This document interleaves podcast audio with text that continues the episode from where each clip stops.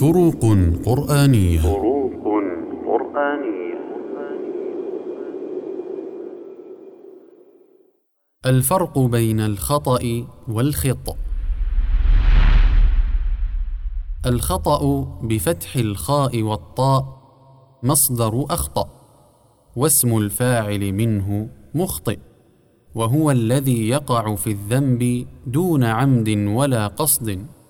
فهو خطأ بدون تخطيط ولا نية كما في قوله تعالى وما كان لمؤمن أن يقتل مؤمنا إلا خطأ أي دون تعمد قتل كأن يرمي صيدا فيصيب مؤمنا فيقتله. أما الخطء بكسر الخاء وإسكان الطاء فهو مصدر خطئ واسم الفاعل منه خاطئ وهو من يتعمد المعصية ويترصد الجرم ويرتكبه عن قصد ونية وعزم وسبق إصرار.